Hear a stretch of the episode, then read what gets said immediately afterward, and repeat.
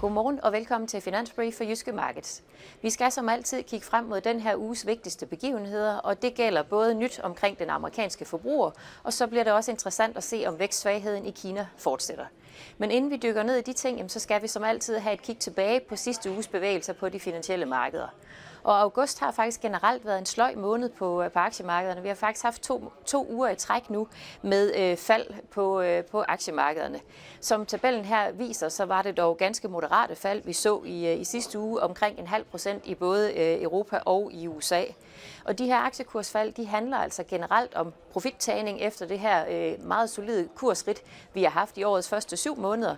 Og så er det formentlig også et udslag af, at renterne altså stiger igen.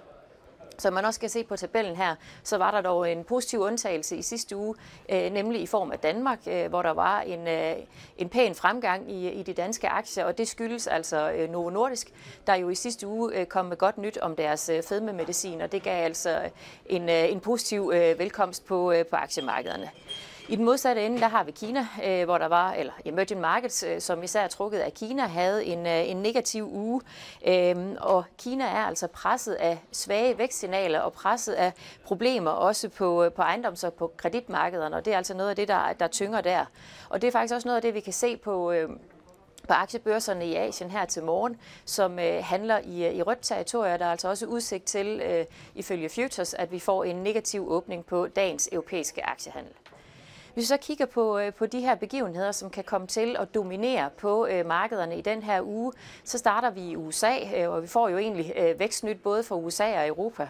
Og for USA's vedkommende, så er det primært forbrugeren, vi har fokus på. Øh, og ugens nøgletalsmæssige højdepunkt, det bliver formentlig i morgen, når vi får detaljtalstallene fra øh, USA, der sammen med industriproduktionen onsdag kommer til at give en temperaturmåling på, hvordan aktiviteten i amerikansk økonomi udvikler sig. Og øh, indtil videre, jamen så øh, er vi jo faktisk i en situation, hvor øh, de amerikanske vækstnøgletal har vist sig overraskende øh, robuste. Øh, og koblet med, kan man sige, øh, at vi har, har set, at inflationen er gået ned i gear, jamen så har det egentlig øh, gjort, at markederne har købt ind på øh, tesen om, at amerikansk økonomi er i stand til at lande en, øh, en blød landing. Og der spiller forbrugerne altså en vigtig rolle. Øh, og vores forventning er altså, når vi får tallene for juli måned i morgen, at vi vil se, at detailsalget viser en, øh, en pæn fremgang øh, igen i juli, ligesom vi egentlig har set i den øh, seneste tid, og hvor detaljsalget jo faktisk stadigvæk ligger over før coronatrenden. Vi forventer dog, når vi kommer længere hen på året, at vi kommer til at se, at detaljsalget får det betydeligt sværere, og dermed også, at amerikansk økonomi får det sværere, i takt med, at øh, den fulde effekt fra de rentestigninger, som øh, Fed, den amerikanske centralbank, har sat i gang, i takt med, at de for alvor slår igennem øh, fuldt på økonomien, og, og også, at vi kommer ind i en periode, hvor vi ser, at den her store overskudsopsparing, der var i forbindelse med coronatiden, efterhånden øh, er brugt op.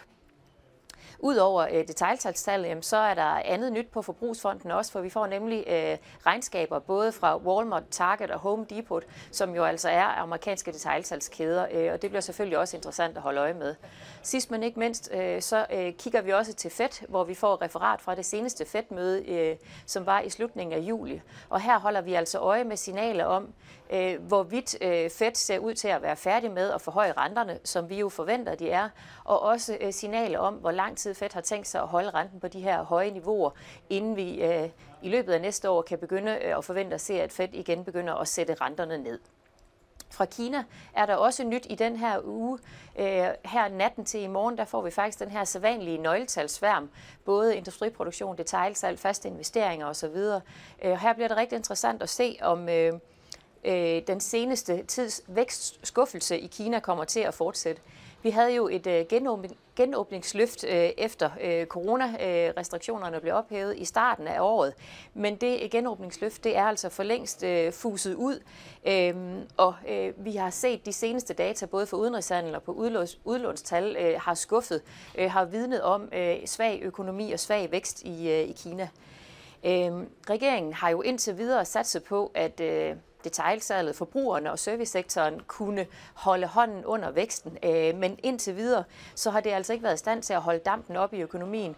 Og vi forventer altså også, øh, at den her øh, vækstsvaghed, som Kina oplever i øjeblikket, vil få myndighederne til at komme med nye stimulanser. Vi tror dog, de vil være moderate i omfang og målrettede, og dermed også noget, som ikke for alvor kommer til at ændre på vækstbilledet i Kina, som altså stadigvæk vil være noget svagt. Og med de ord er vi nået til vejs ende for dagens øh, finansbrief. Tak fordi du så med.